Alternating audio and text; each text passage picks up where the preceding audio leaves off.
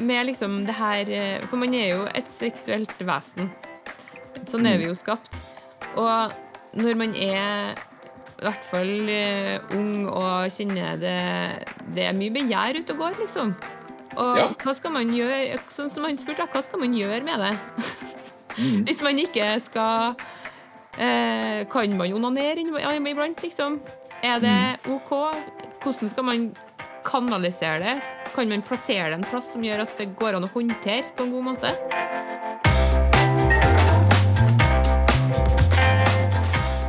Vi skal snakke om sex. Verden sier ha sex med hvem du vil, når du vil. Du bestemmer hva som er riktig for deg. Ingen andre kan fortelle deg det. Gud sier jeg elsker deg, og jeg vet hva som er best for deg. Også når det kommer til sex. Hold deg innafor rammene jeg gir deg. Hvordan i all verden skal vi navigere i dette spennet? I denne episoden skal vi prøve å forstå hvilke rammer Gud har for sex, hvorfor i all verden de er der, og hvorfor vi som kristne ikke bare kan gjøre hva vi vil med seksualiteten vår. Jeg håper denne episoden åpner opp for hvordan vi snakker sammen i vennegjenger og menigheter om sex og andre temaer som kanskje er sårbare og vanskelig å ta opp. For ingen av oss går gjennom livet uten å trå feil. Jeg har opplevd å påføre andre smerte og å ta valg som fører til at jeg sjøl har fått det vanskelig. Og jeg er nok ikke alene om å ha sånne livserfaringer. Men hvordan lever vi igjennom og med de her erfaringene? Jeg tror på Gud som ser oss og elsker oss uansett hva vi har gjort mot andre, hva noen har gjort mot oss, eller hva vi har gjort mot oss sjøl.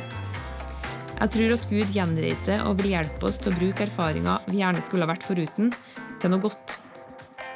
I Japan, tror jeg det så reparerer de knust keramikk med gull. Tanken er at den reparerte krukka både er vakrere og sterkere enn den opprinnelige, fordi sårbarheten er synlig. Gud hjelper oss å deale med erfaringene våre, sånn at arrene vi får i livet, kan bli synlige, gullbelagte bevis på at Han finnes.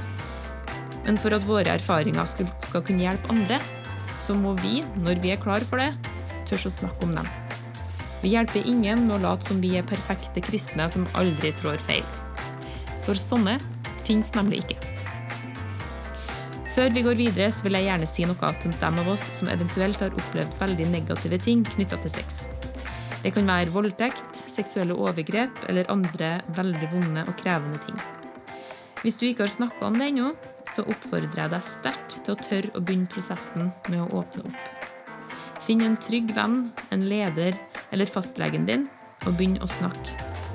Sånne ting er ubeskrivelig tungt og krevende å gå og bære på alene. Ok. Som jeg sa helt i starten, så skal vi i denne episoden prøve å forstå hvorfor Gud setter grenser for seksualiteten vår, hva de her grensene går ut på, og hvorfor det er bra for oss, selv om det kanskje ikke kjennes sånn ut. Mitt håp er at om vi forstår det her, så vil det bli lettere for oss å ta gode valg i livet der vi er nå.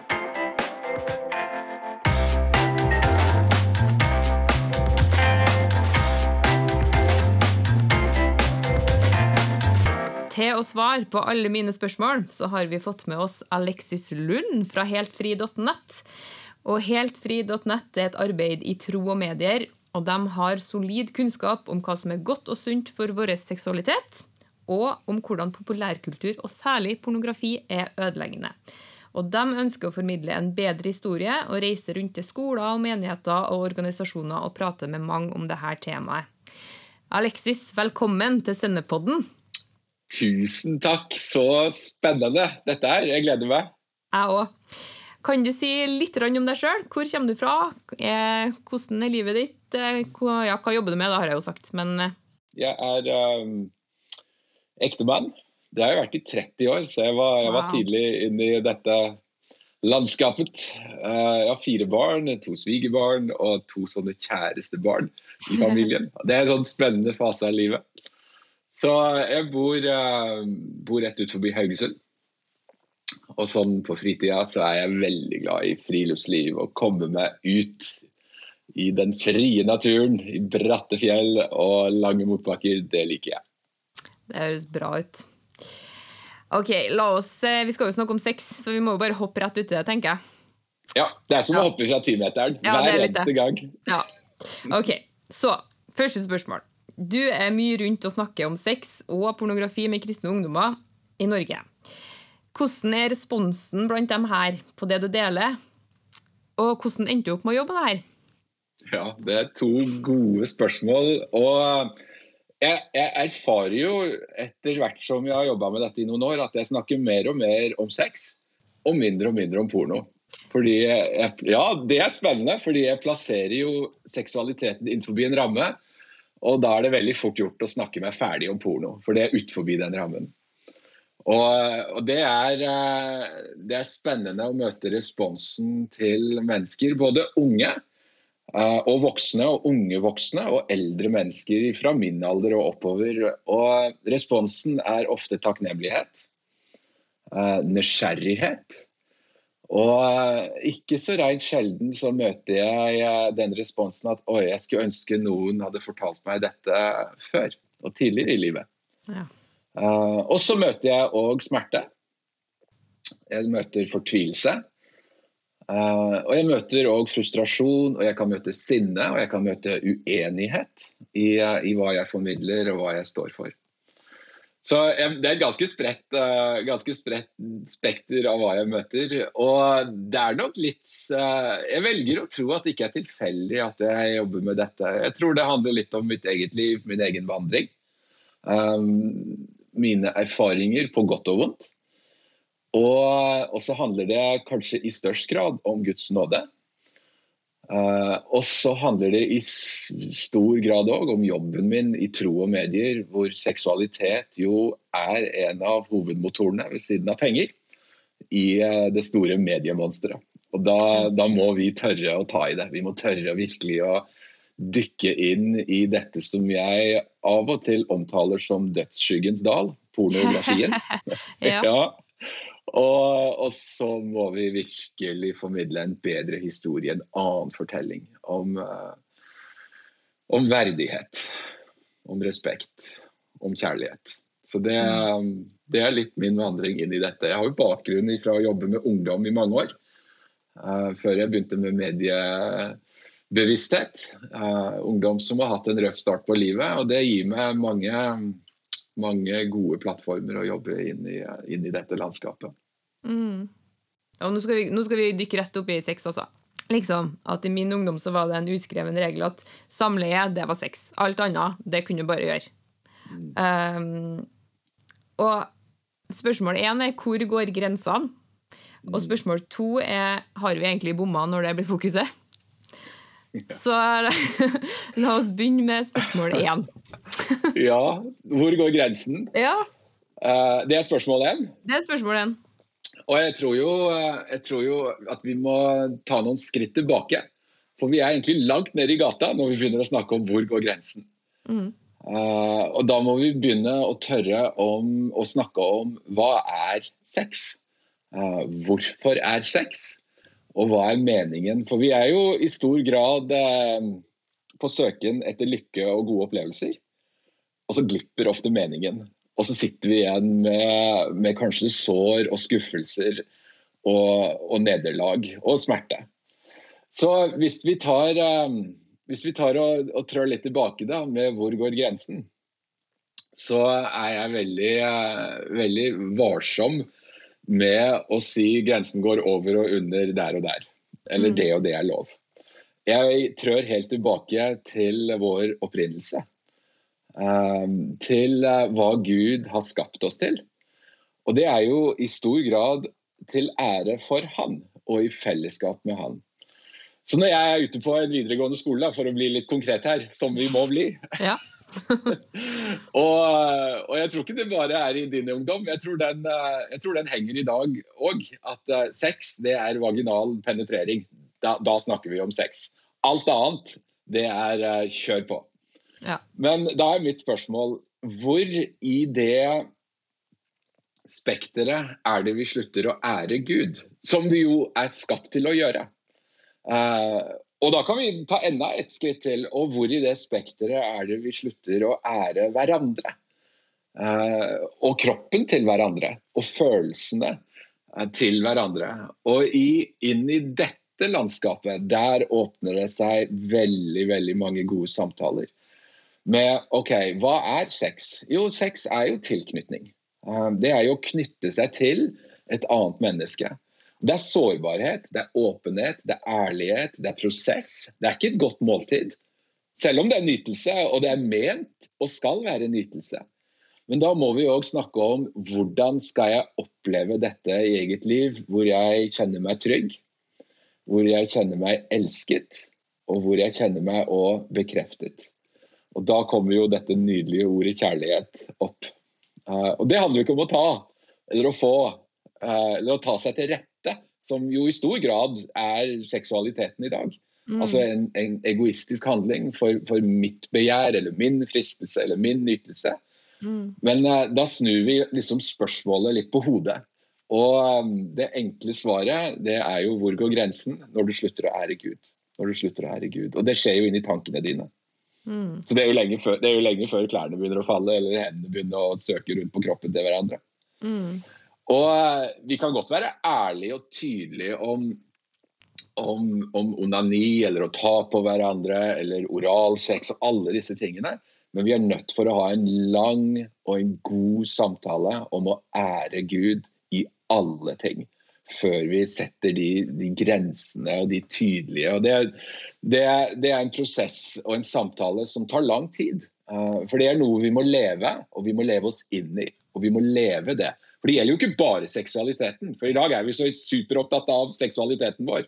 Mm. Og det definerer meg, og det er meg, og den er min, og den er bare min, og den skal jeg leve som jeg vil med.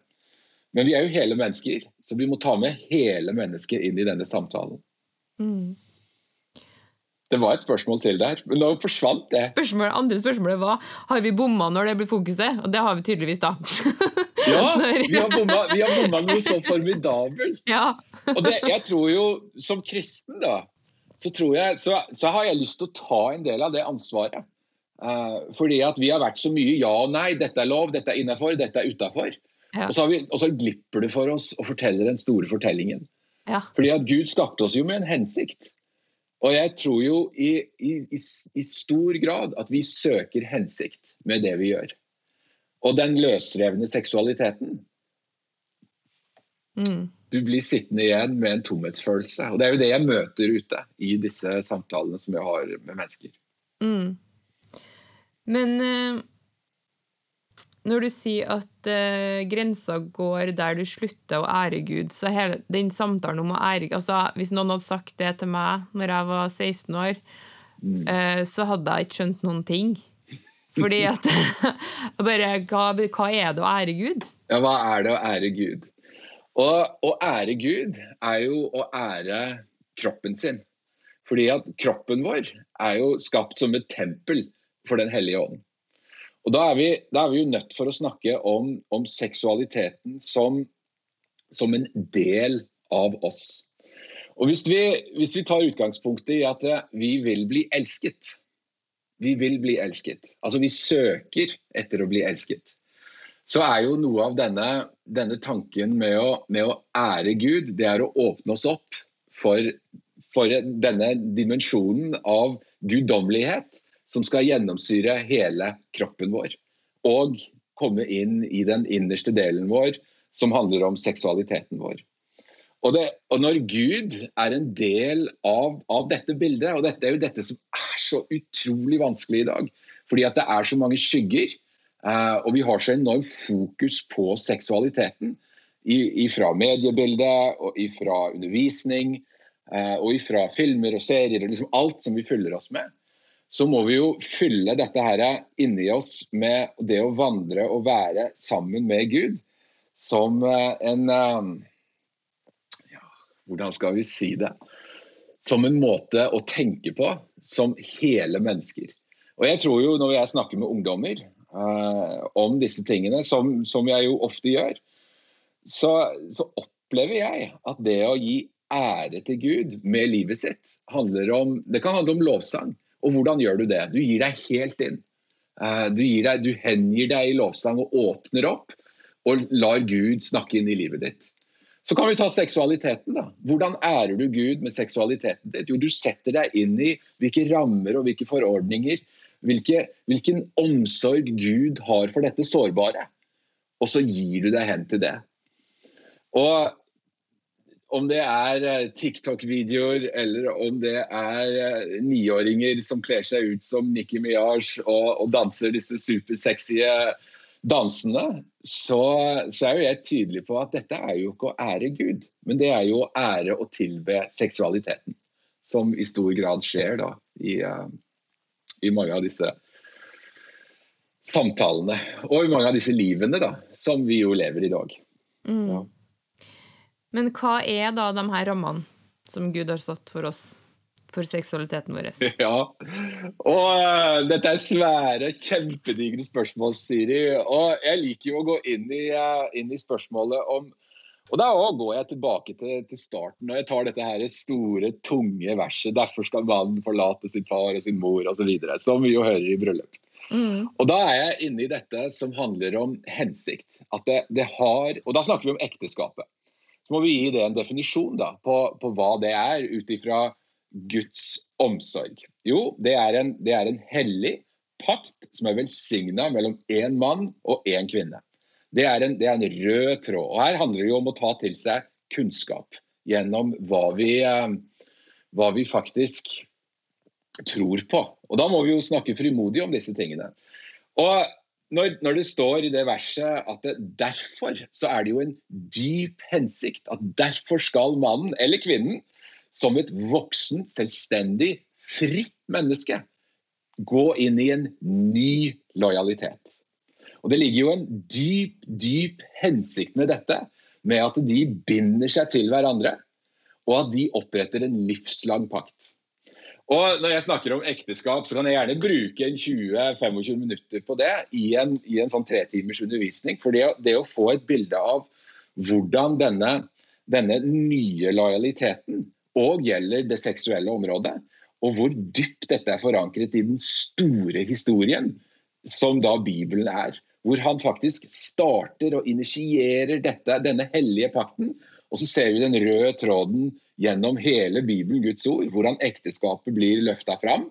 Uh, og jeg veit vi har polyamorøse forhold i Det gamle testamentet, men de bærer ikke god frukt. Uh, på en måte så er det som at Gud har, har tillatt det, men det, det, er aldri en god frukt av det. Og Så kommer vi inn i Det nye testamentet, kirken blir født, og så går vi gjennom hele, hele Det nye testamentet med undervisning og brevene, og så kommer vi inn i Johannes' åpenbaring, og så ender vi opp i et gedigent bryllup. Hvor, uh, hvor da denne denne mannen, eller Kristus, og denne bruden blir forent. Og Da må vi tørre å snakke de store bildene. Og så må vi se oss selv og speile oss selv med vår seksualitet inn i dette. Og det er klart, Dette er svære ting å prate om på en podkast. Det er svære ting å prate om, ja. men, men jeg, gir noen, jeg gir noen tråder, altså jeg gir noen kroker om at her ligger det en dyp, dyp mening og en dyp guddommelig hensikt med at derfor skal mannen forlate sin far og sin mor og holde seg til sin kvinne, og de to skal bli ett. Og Det er ikke bare seksualiteten som vi kan sile ut av det, men det er, det er selve mysteriet som Paulus åpenbarer i sine brever når det kommer til Kristus og bruden og kirken og Johannes' åpenbaring og hele denne svære, digre pakken. Nå mm. gikk vi høyt opp i skyene her, du, Siri. Ja, vi gjorde det. Men eh, det er jo noe Det er jo en ting å høre det her, det er noe annet å skjønne det. Ja. ja. og på en måte og, skjønne at det handler om meg og mitt liv, og at det jeg gjør med min kropp, har konsekvenser. På en måte. Og Det er det som gjør dette litt utfordrende, at vi snakker så lite om det. Ja. Og når jeg kommer inn i, eh, inn i en gjeng med 14-åringer med konfirmanter, og prater om disse tingene, så er jo jeg veldig klar over at dette er kanskje aller første gangen de hører en snakke om dette i den, i den settingen. Uh, og, og det, er, det, er jeg jo smertelig klar over, og jeg er jo veldig utfordrende både til ledere og pastorer om at dette er ikke en sånn once, in a, once time happening i et ungdomsmiljø eller i et unge voksne-miljø eller et studentmiljø. At dette er noe vi må prate om, og så må vi dra det store bildet og snakke om alle falsettene av livet og følelsene våre og seksualiteten vår. Og Det er jo der jeg tror ofte vi har, eh, vi har feila som kristne. At vi, eh, vi, har vært veldig snevre. Vi har sagt ja og nei, her går grensen, sånn og sånn er det. Og så er vi ferdig med det. Eh, men det er jo ikke virkeligheten. Fordi at seksualiteten er en del av vårt daglige liv. Altså står, og vi som mennesker blir bombardert hver dag med tanker, eh, med innskytelser, med fristelser. Og da må jo hele denne gode fortellingen om kroppen vår, om seksualiteten vår og, og fristelsen eller begjæret vårt eller lysten vår, det må være en del av nesten den daglige samtalen mellom oss kristne.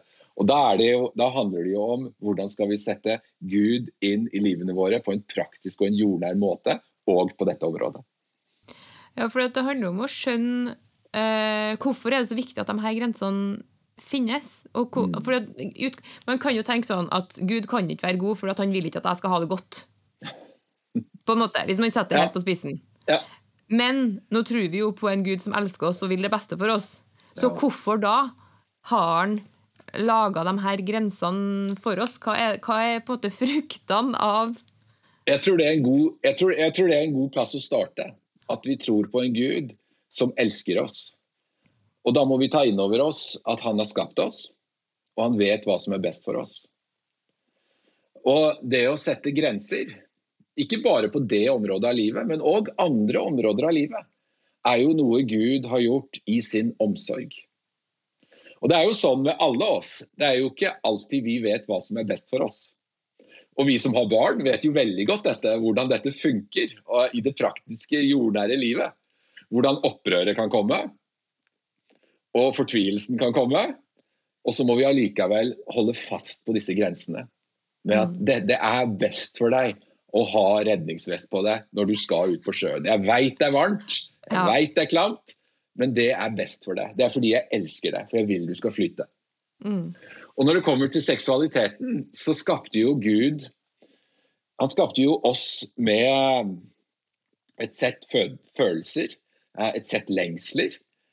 Um, og en fysikk og en hud. Altså Hvis vi snakker om liksom helt sånn jordnære, praktiske ting, som hvor sensitive vi er på de ulike plassene på kroppen vår. Og hvordan dette kobles sammen med, med utskillelse av hormoner og lykkefølelse og alt dette her. Og da har jo Gud i sin omsorg sagt at det, det er best for dere.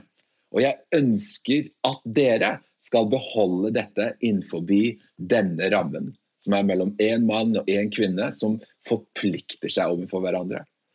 Og um, hvis vi snur det på andre veien, da. Dette med, med, fri sex eller åpne forhold, som jo kanskje noen, noen lever med eh, og lever i, så er det jo ganske interessant å, å se fruktene i samfunnet på hva er, hva er frukten av det å ikke holde seg inne i disse rammene. Hvis vi tar mediebildet, da. Hvis vi tar Ex on the Beach, f.eks., som er jo en hel produksjon laga på de følelsene som oppstår når en eks, en som du har gitt deg til, dukker opp. For denne tilknytningen den er så sterk, uansett om vi liker det eller ikke. Det er mer enn å spise et godt måltid. Det skjer noe i kroppene våre og i fysikken vår. Og Det er jo i stor grad derfor jeg tenker at det å være frimodig på å snakke om disse grensene og rammene, ja, det, det, tenker jeg absolutt at vi skal gjøre. Men så har vi en balanse her, da. Fordi at vi trør feil. Og Jesus kom jo ikke for å tråkke mennesker ned, men nå skal ikke jeg gå videre på den. Vi skal plukke opp igjen den litt seinere. ja, det er veldig bra. Um, altså, i dag er det jo Vi snakker jo om grenser her, og i dag så er det jo provoserende for veldig mange å sette grenser for seksuallivet spesielt. Mm. Uh, og det er mange som ser litt svart og rister veldig på hodet når man hører det her, at uh, de eneste rammene der man kan ha sex, er mellom en mann og en dame, og at man attpåtil liksom må være gift. Uh, ja. Er ikke det egentlig ganske eksklu ekskluderende?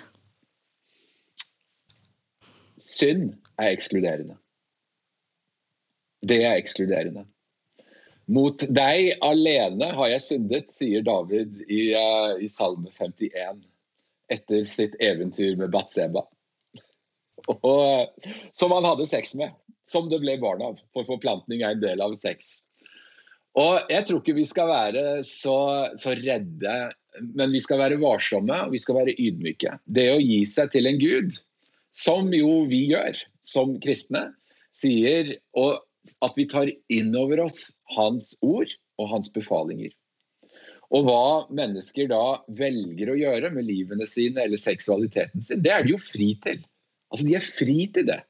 Helt fri til det. Og i møte med, med, Bibelen og i møte med Guds ord, så er det jo ikke sånn at dette er ukjent. Uh, vi har et veldig konkret og godt eksempel når det kommer til penger. Uh, denne rike unge mannen som kommer og henvender seg til Jesus. Og Jesus sier 'selg alt du eier'. Og så går han trist derifra.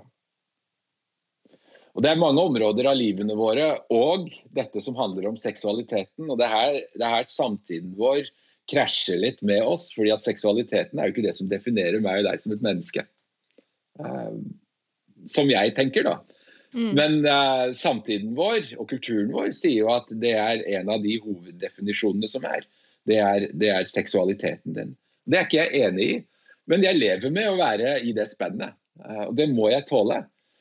Og det å støtte seg inn til, til, Bibelen, Guds ord på dette, det er for meg en, er en stor trygghet. og jeg kan, ikke, jeg kan ikke svare på alle spørsmålene. Jeg kan se inn i smerten, og jeg gjør det. Jeg oppsøker aktivt denne smerten i, i den kretsen jeg er i. Både mennesker som kjenner tiltrekning til samme kjønn, uh, mennesker som, uh, som kan bli veldig provosert over at jeg setter dette inn i en ramme.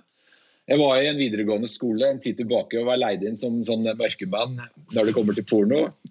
Fordi, fordi, jeg kan noe om den industrien. Og så var det uke seks, og de ville ha litt sånn kunnskap. Og så var det en, en, en det var et stort kull med, med tredjeklasse videregående. Så var det en ung kvinne der som er provosert over synet mitt på sex. Da, for jeg, jeg, setter jo seksualiteten inn i en trygg ramme. Uh, og porno er ikke det. Uh, og så sier hun at jeg, jeg, jeg, liker jo å ligge rundt. Altså Jeg har jo sex med mange partnere og har ligget med mange menn. Og uh, jeg blir provosert over ditt syn uh, på at jeg ikke skal gjøre det. og så er jeg litt sånn Oi, hvor nært skal jeg trø i en sånn stor, åpen setting? og så velger jeg å trø ganske nært, og så spør jeg hva er det du søker, da? Hva er det du lengter etter, etter i disse løse seksuelle forholdene som du da oppsøker, aktivt oppsøker? Og så klarer hun ikke svare på det, og så er jeg liksom Oi, her har jeg åpna opp. Litt sånn. Men det er klart, hun var bånn ærlig. Og så, og så sier jeg jeg kan foreslå et, et, et, forslag her. Hva, hva, er det vi søker, da? Og jeg gjør det liksom litt bredere. Det sier vi. Og løfter det vekk fra henne. Ja. Uh, jeg tror jo vi som mennesker søker å bli elsket. Jeg tror vi søker etter å bli elsket. For den der kortvarige nytelsen, uh, om det er orgasme eller bare en seksuell opplevelse, den går over. Vi søker etter å bli elsket. Og Så fikk jeg en god prat med henne etterpå, og jeg var ikke så langt vekke. Nei. Jeg var ikke så langt vekke. Og disse historiene er jo noe som, som liksom gir meg frimodighet. Og så må jeg finne et språk, jeg må finne en um, balanse i, i, hvordan jeg snakker om disse tingene. Men um, jeg, jeg, jeg, er bånn ærlig om hva jeg, hva jeg, tror, og jeg er frimodig på Bibelens budskap om seksualitet. Da, da fører det oss over til neste spørsmål, egentlig, som, uh, som handler litt om skam. Mm. Fordi at uh, det snakkes jo om at Bibelen sin syn på seksualitet er skadelig, fordi det nettopp begrenser, og da kanskje påfører skam for dem som ikke føler seg innafor, ja. eller leve innafor de her grensene. Hva tenker du om det? Jeg har tanker når jeg går inn i en, uh, inn i en setting at uh, Eller når jeg, når jeg, snakker her på denne podkasten, så har jeg en tanke om at det er mennesker som lytter um, som har skam i livet sitt. Um, og hva kan jeg gjøre for å ikke ytterligere øke den skammen? For det, det er en bevisst tanke jeg, jeg, trenger å ha og bli mm. utfordra på. Og skam er jo i sin natur en opplevelse av uverdighet. Det er, det, Finns, det er henta fra Finn Skårderud, som er en uh, veldig anerkjent psykiater som jobber mye med spisevegring. Mm. Men hvis vi tenker det, at skam er uverdighet, og at du som tror er funnet verdig Uan, altså Uansett hva du har funnet på og sett på eller gjort eller erfart, uh, blitt påført eller påført deg selv, så er du funnet verdig. Og det å, det å bekrefte menneskers verdighet, og det å bekrefte at de er elsket, det er jo medisin mot skam. Mm. Og når, når Jesus møtte mennesker i, eh, i samtale, som, som, er et veldig godt eksempel, da er vi inne på seksualitet. Denne kvinnen med brønnen i, i Johannes 4, hvor, eh, hvor jeg, jeg, har prøvd mange ganger å, å, å forstå hennes situasjon, uh, omstendighetene hennes. Og det, det river meg liksom i fillebiter innvendig hver gang jeg prøver å sette meg inn i oi, hva, hva kan hun ha opplevd i livet sitt? Altså Hele kvinnesynet i den kulturen den gangen, vanskelig, utfordrende. Um, den mannen du lever med nå, han er ikke din mann, og du har hatt fem menn. og liksom Hele den pakken som ligger i henne, mm. uh, som er smerte. Hvorav han snakker ærlig og tydelig med henne og vet du hva? Jeg, jeg har tenkt, liksom, jeg er litt sånn visuell i, mitt, uh, i, min måte å jobbe på. Jeg har tenkt at han tar henne helt med tilbake til hennes start, som Eva.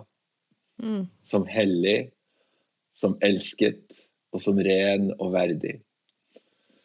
Og når han, uh, når han tiltaler henne som kvinne de, de, snakker lenge, og så sier han 'kvinne'. Der snakker du sant, sier han. Mm. Og det er, så, det er, så, fascinerende, og da tenker jeg i mitt stille sinn at han kanskje tenker Eva, eller ser Eva. Mm. For han er kommet for å frelse henne og sette henne fri ifra den skammen som hun kjenner på, og som hun i stor grad vil jeg tro er blitt påført av menn. Det, det er jo interessant at hele den historien slutter jo med at hun springer hjem og roper liksom 'Jeg har møtt en mann som har fortalt meg alt jeg har gjort'. Og da skammer ikke du deg lenger. Nei, det er jo en skamløs atferd, ja. For jeg tenker, Hvis du, hvis du har hatt fem menn på den tida og liksom ikke, ikke er gift med den du lever med nå, da, da, vil du på en måte ikke snakke så mye om det, kan jeg tenke meg. Og så slutter den samtalen med at hun bare Han har fortalt meg alt jeg har gjort, og likevel så elsker han meg, liksom. Det er jo der, det er jo der jeg leter. Den, det er der jeg leter som jobber med dette og kommer borti de situasjonene mye.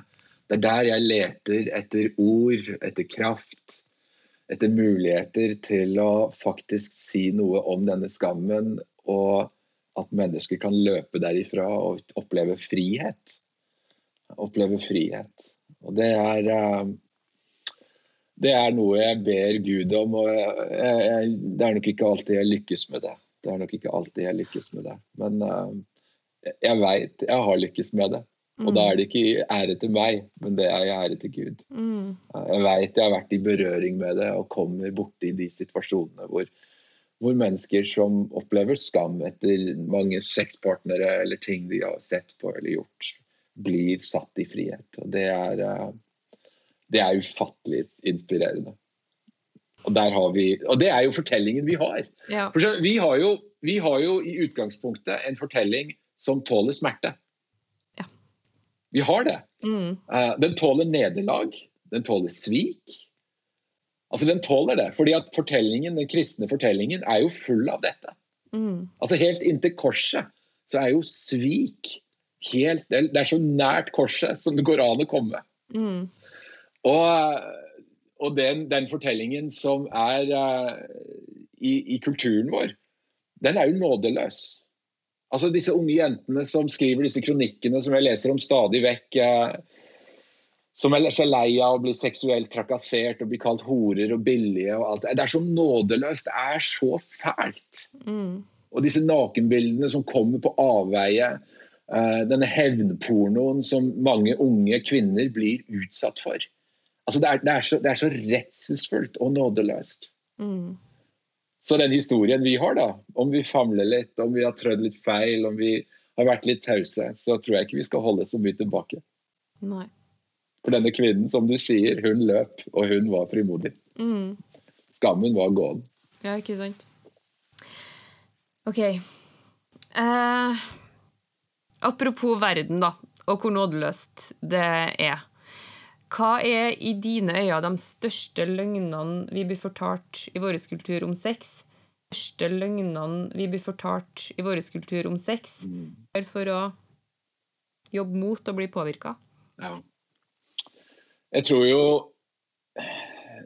at seksualiteten som uh, definerende av vår identitet er jo ikke sant. Mm. Um, jeg Og bare, tror bare kommentere at bare det er jo en kjempeprovoserende uttalelse i vår tid. ja, du har så sa, du har så rett i det. Du har så rett i det. Men det er jo sånn at det er mennesker som ikke lever seksuelt aktive, eller mennesker som lever alene, eh, mennesker som er single, om det er valgt single, eller at de har en lengsel i livet sitt, og kanskje en smerte i livet sitt, har fullverdige, gode liv. Og opplever verdighet i livet sitt. Og er, er sikre på hvem de er. Men så, men så, blir dette hele tiden Ja, men du har jo ikke sex, du opplever jo ikke å bli elsket, du opplever jo ikke den nærheten. Nå brukte jeg med overlegg ikke ordet intimiteten, for jeg tror mm. den hører til i seksualiteten. Um, og da kan vi jo si andre, En av de andre løgnene vil jo være sex frakoblet kjærlighet. Ja. At det er bare noe vi gjør. Mm. Uh, for å oppleve noe. Um, og mange av disse, disse tingene hvor, hvor, seksualiteten vår egentlig Den er jo ikke nøytral. Den er, den er ikke nøytral. Den, den, uh, den, søker jo noe. Og hvis det bare blir kroppslig, og vi søker et det, eller å gjøre det, som jo mange snakker om, vi har gjort det, ja. uh, og da blir jo på en måte du vekke. Deg og for meg. Handler, for da handler det bare om kroppen? tenker? Da handler det bare om kroppen. Og det er en eh, Det er jo en utfordring. Også en kjempesvær utfordring. For det handler jo ikke bare om kroppen. Og det, det vet jo Det erfarer en jo, selvfølgelig, når en lever et langt liv, et samliv. Eh, så erfarer en jo det. At uh, dette er jo perioder, dette er jo prosesser. Dette er jo tørke, dette er jo lengsler, dette er jo skuffelser. Er liksom, det er en del av pakken å være menneske. Uh, og da er jo seksualiteten selvfølgelig noe, noe av den pakken òg. Så, så jeg, jeg, jeg, tenker i stor grad at seksualiteten er noe som vi trenger å snakke større og bredere om, og knytte og koble på denne kjærligheten. Og da må vi jo vite noe om hva kjærlighet er. Og det er det jo uh, det er vanskelig i dag, det òg. For hva er det, hvem skal definere det, og hvordan skal vi definere det? Mm. Det er òg noe jeg ofte gjør når jeg er ute i, um, i ulike sammenhenger. Det er jo å, å, ta det ordet kjærlighet og gi det noen klare definisjoner om hva det er. Ja. Og som kjærlighet, og da bruker jeg jo jeg bruker jo som regel så bruker jeg en inngang i et mørkt landskap. Uh, ofte så bruker jeg spillet Assassin's Creed, som er et utrolig destruktivt spill som foregår i byen Korint i antikke Hellas. Og så forteller jeg historien om kirken i Korint. Hvor hardt ute de var å kjøre på det seksuelle området. Uh, mm. Der var det incest og prostitusjon og, og strid og splittelse. Et elende, et oppkok av elendighet. Men Paulus bekrefter hvem de er. Det gjør han alltid. Dere er elsket, dere er utvalgt, dere er funnet verdige. Og så går han inn og forteller dem om hva kjærlighet er. Eh, kjærlighet som tålmodig. Kjærlighet som velvillig. Kjærlighet som gleder seg over sannhet. Og Da utfordrer jeg igjen da på OK, folkens. Hva, hvordan skal vi ta dette praktisk inn i livene våre? Jeg hadde en samtale med en ung kvinne som sier til meg kjæresten min vil ha sex med meg, men jeg vil ikke. Jeg har bestemt meg for å vente. Eh, men han maser og maser og maser. Ok, Du sier dette er kjæresten din, og da tenker jeg at dere har et kjærlighetsforhold. Og så stiller jeg det vanskelige spørsmålet. Er denne kjærligheten tålmodig? Søker denne kjærligheten sitt eget? Da var jo svaret opplagt. Mm. For jeg hadde jo undervist om hva kjærlighet var. Mm. Jeg fikk en uh, melding uh, en ukes tid etterpå det forholdet var slutt. Ja. For jeg ga noen knagger inn Ja. i hellighet. Og Mm. inn i det som jeg da velger å forholde meg til sannhet. Mm. Så, så vi må jo være Jeg kunne gått inn i hele denne her sexpraten og snakket om ditt og snakket om datt, men jeg valgte å ta kjærlighetsveien og gikk rett til hjertet. Mm. Og så tok hun noen valg ut ifra det. Mm. For denne karen var veldig utålmodig, Mm. og han ville jo, søkte jo sitt. Mm. Ja, det var et tydelig eksempel. Så det, det, det er liksom Vi må gripe de mulighetene vi har. Mm. Vi må gripe de mulighetene vi har. Ikke sant. Hva kan vi gjøre for å ja, jeg tenker Å jobbe mot å bli påvirka av det her, er jo på en måte å snakke om hva kjærlighet og sannhet er for noen ting, da, Mm. egentlig. Ja. Og, um, og se på det hva Gud sier om det, i stedet for hva verden sier om det. Ja, eh, du har helt rett i det. Altså, vi må Ja. tørre, og så må vi tørre å lytte til de ulike stemmene. Mm. eh, De ulike aldersgruppene. Vi må tørre, altså Eldre mennesker de er jo fra seg av begeistring når dette kommer opp. Ja. Altså det, Ja ja, kjære folk. Hvorfor, de så big- hvorfor ble de gira? nei, fordi at det er så få som har prata frimodig om dette. Ja. Mm. Og eh, det er jo mennesker som har et helt liv i bagasjen sin. Mm. Og når vi, eh, når vi snakker tydelig og det ut ifra vår tro sant om dette, Mm. så gir jo det òg en, eh, en mulighet til å, til å kunne velge å ta valgene sine ut ifra det. For det er, det er knalltøft å vokse opp i dag. Altså Det er en helt annen verden enn den jeg vokste opp i. Ja. Og jeg er jo foreldregenerasjonen i dag. Altså Det er jo min, min aldersgruppe som har 14-15-16-åringer. Selv om jeg er på slutten av dem. men eh, men det, er jo, det er jo noe her som gjør at eh, vi må, vi må tørre. Og så er det jo sånn da at veldig mange voksne har skygger i eget liv som de ikke har landa. Mm. Som de ikke, ikke har gjort opp, som de ikke har snakket seg gjennom. Og, og de erfaringene, på godt og vondt, som, som ikke, er, uh, ikke er plassert der de hører til. Ja. Og Da tenker jeg jo i tilgivelse, og i hellighet og i Guds nåde. Mm. Og, og disse tingene her er jo, er jo litt sånn prinsipper i den kristne troen.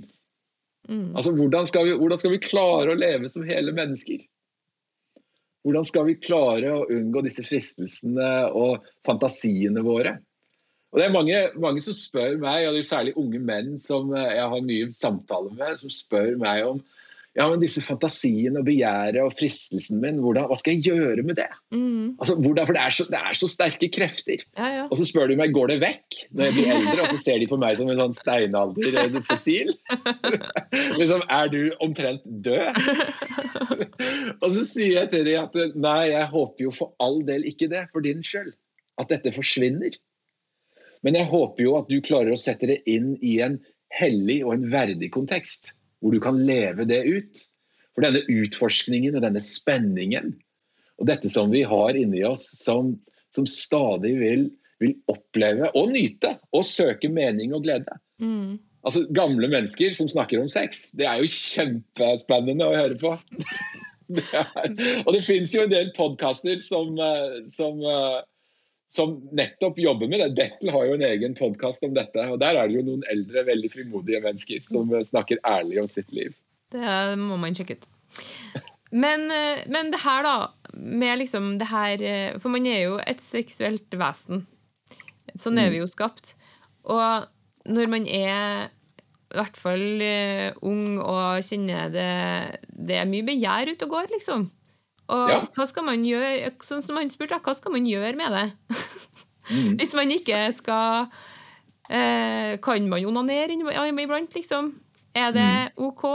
Hvordan skal man kanalisere det? Kan man plassere det en plass som gjør at det går an å håndtere på en god måte? Ja. Det er et kjempegodt spørsmål. og jeg tror jo Vi må ta utgangspunkt ikke i kulturen eller samtiden vår, men vi må ta utgangspunkt i troen vår. Altså Hva er det vi har valgt å gi oss til? Um, og så må vi tørre å snakke ærlig og åpent om uh, det som Paulus gjør, da, f.eks. i Kolossebrevet 3. Det er så, det er så brutalt, det, det kapittelet. Men hør på disse ordene her. Uh, begjær, fristelse, ond lidenskap, hor og urenhet. Det er, det, er-? Han tar det han, rett rett til kjernen. Vi trenger ikke spole fram til 2021 for å, skylde på kulturen og samtiden vår. Vi trenger ikke gjøre det, fordi dette er noe som ligger i mennesket. Og da, da er jo jeg der at vel, la oss gå tilbake inn i historien om, om verdighet og hvordan ære Gud. For er dette med begjær eh, ondt i utgangspunktet? For vi er, jo, vi er, jo, skapt som seksuelle vesener, som du innleder med her. Mm. Og da, da, liker jo jeg eh, ofte å bruke Salmos høysang, som jo er en bok som uh, og du klarer jo at Han som oversatte den til tysk for første gang, han måtte sone om det var seks år eller noe sånt. nå. Er det sant? ok, det var litt sånn avsporing. Men uh, Fun fact om Salmos høysang. Mm. Men det er, det er noe, med, noe, med, den historien som sier noe om, om denne om denne lengsel etter å se. Altså Ta mannen sitt utgangspunkt, da, som er veldig visuell. Uh, vi er ulike som menn og kvinner. Vi, det, vi er overlappende på alle områder, men vi, vi er ulike. Statistikker om uh, identitet og selvbilde i forhold til egen kropp forteller at vi er forholdsvis ulike når det kommer til en del ting. Uh, men ta mannen, da, som jeg kan snakke frimodig om, for jeg, jeg er jo en. Jeg veit hva det går i. Uh, vi, uh, vi, er jo visuelle, og når, når det står i Salmos høysang La meg se din skikkelse, hvor fager du er. Så, så, sier det noe om at oi, la mannen få se hvem du er. Altså hele deg. Ikke bare kroppen din, men hele deg. Og når mannen i, sin, eh, i, i, sine vers, for der er det jo fordelt mellom mannen og kvinnen uh, Denne konflikten mellom mannen og kvinnen er jo noe som kom etter syndefallet, for vi er jo vi er like. Vi er skapt til å speile og reflektere Guds bilde. Så har vi ulike roller. Nå skal vi ikke gå inn i den. kjente jeg Det blir en annen podkast. Det blir en annen podkast. Det, det, det, blir ikke meg. Men uh, når denne mannen da beskriver jo denne kvinnen som han jo liker å se, hvor han begynner med å beskrive håret hennes. Uh, han beskriver leppene hennes. Han beskriver uh, øynene hennes, brystene hennes. Og så setter han sånne type paralleller som han sammenligner jo håret hennes med en geiteflokk, som jo kanskje ikke er så veldig romantisk. Men vi snakker jo om en rikdom her, da. For en mm. geiteflokk er stor rikdom. Så la meg se din skikkelse, og la meg se ditt hår, hvor rik du er. Og hvilken rikdom er det han snakker om? Altså, Hva snakker han om her? Han snakker om evnen til å føre livet videre. Han snakker om evnen til å skape et hjem. Evnen til å være rettferdig og sann, som, som ligger så dypt i kvinnen. Og lengselen etter å bli elsket og æret, som ligger så dypt i kvinnen. Og Da kan vi gjerne spole litt sånn Nå, jeg, nå spurte jeg helt tilbake, og så kan vi gå inn i spørsmålet ditt. Mm. Om, uh, om, hvordan vi skal forholde oss til, til, begjær og lyst og fristelse. Og jeg er, nok, uh, jeg er nok der at uh, det å ikke sette i gang disse seksuelle fantasiene, som jo onani gjør For det er jo, det jo knytta til seksuelle fantasier da velger jeg å forholde meg til Selv om Bibelen Jeg skulle jo så ønske at var litt, Bibelen var litt tydeligere på dette. Liksom ett vers. Stakkars Onan. Det er liksom Alt henger, står og faller på han. Men allikevel så er, jo, så er jo Bibelen veldig tydelig på hvordan vi skal håndtere tankene våre. Hvordan vi skal håndtere fristelsene våre, og hvordan vi kan disiplinere oss selv til å ta disse valgene. Og som mann, da, så er jo jeg Og jeg har oppdratt sønner. Eh, så har jeg vært, vært, ganske opptatt av og tydelig på okay, hvilke områder av livet er det jeg kan legge til rette for som gjør at du får utforske og oppleve. At du får, eh, at du får et kick i livet ditt. Og at ikke det er eh, pornografi eller seksualitet som skal gi deg den, der, den greia i livet som du kanskje søker etter. Og da vil det være å gjøre livsfarlige ting, i vårt tilfelle. Som å renne ned bratte fjellsider eller henge i stroppen uh, i, i Sunnmørsalpene eller hva det skal være. ikke sant? Men det kan, være, det kan være å skrive dikt og male malerier. Og bruke de egenskapene eh, som vi er gitt som mennesker. Og så er jo så er jo dette med å Eller holde seg fysisk aktivitet. Altså det er, det er noen sånne nøkler her når det kommer til disse seksuelle spenningene som vi ofte låser inn. Ja, men da må jeg onanere, og så er det over. Så får jeg slappe av. Mm. Og så ender det jo i stor grad i de samtalene og møtene som jeg har med mennesker som, som stiller meg nettopp dette spørsmålet. Hvordan skal jeg håndtere eh, pornografi, onani og avhengighet til det? Hva andre ting har, fyller du livet ditt med? Fordi vi, vi, er så, vi er så smalsynte på mange av disse områdene. Så jeg er, eh, jeg er ganske frimodig når, til, når, det kommer til å snakke om hva er det du fyller livet ditt med, og hvordan ikke gi fuel til disse seksuelle fantasiene som i stor grad trekker deg ned og, fjer, og gjør at en fjerner seg ifra Gud og den frimodigheten som vi skal ha inn mot Gud. Med at vi kan snakke som hele mennesker og ærlige mennesker på alle områder av livet. Og så er jo kroppen vår finurlig skrudd sammen. Uh, altså At menn i stor grad våkner opp om morgenen med ereksjon er jo en kjempeutfordring for veldig mange menn. At hvorfor er det sånn? uh, og det er klart Vi skal ikke gå inn på alle disse her tingene, men vi er nødt for å forholde oss til det.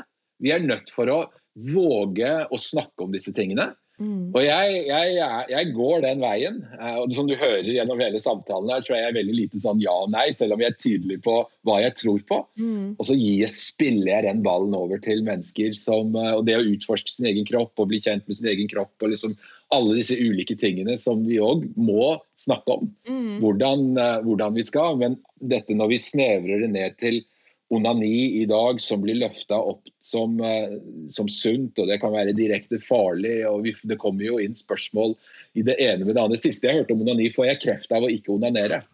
Så, ja. så, det er jo det er en del ting her som, eh, som, må belyses sammen med det spørsmålet om onani. Og mitt uh, konkrete, klare råd fyll livet ditt med, med gode relasjoner, med nærhet, med ærlighet og sannhet om hva Gud sier om kroppen vår og ta det derfra. Og mm. bruk tid på det. Altså det, bruk tid på det. Ja. For det er jo noe man har nødt til å bruke tid på, for det kommer jo ikke av seg sjøl. Og hvis man skal klare å leve i det, så må man skjønne det med hele seg. Det er nettopp det vi må Der ligger et ansvar som dere nå tar da i Selle. Ja, vi prøver. kan ikke vi løfte opp noen av disse spørsmålene? Ja. Og jeg, jeg, sier jo en del ting her som jeg ikke lander. Ja. Som, og det gjør jeg litt med hensikt òg, fordi vi, vi, er ikke i samme rommet, vi har ikke relasjonene. Og det å ta denne samtalen med inn i en life-gruppe, med inn i et lederskap, inn i en samtale med noen, inn i et forhold, mm. det vil jo virkelig kunne være en døråpner for ok, hvordan skal vi håndtere disse tingene i livet vårt. Mm. Ja, Vi må begynne å gå inn for landing, Alexis, men det her er jo veldig interessant. Og det er jo mange spørsmål som uh, fremdeles jeg kunne ha stilt. Men uh, jeg tenker at uh, vi har jo fått fram en litt annen måte å tenke om sex på enn det som blir fortalt i kulturen vår i dag. Og kanskje fikk du som hører på, noen nye perspektiv. Kanskje er du enig, kanskje har du blitt superprovosert, eller noe midt imellom. Og hvis du sitter igjen med tanker eller spørsmål eller kommentarer, så er vi veldig glad for å høre fra deg.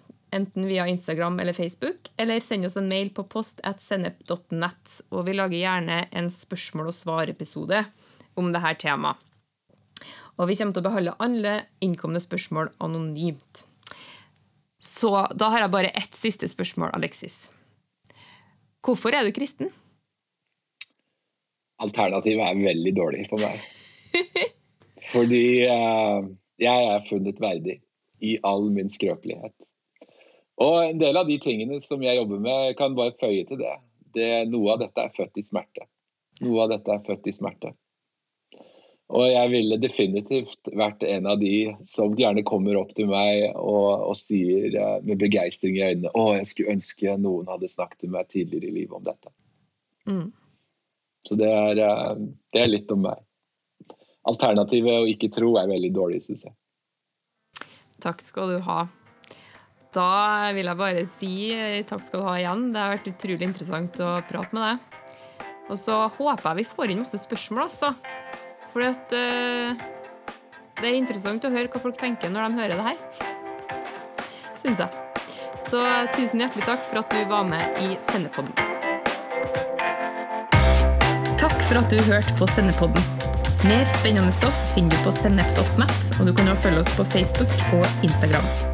Sendepodden finnes i den podkastappen du bruker, og hør gjerne også på våre to andre podkaster, Alvorspraten og Bibelkvarteret. Sendepodden alt annet enn overfladisk.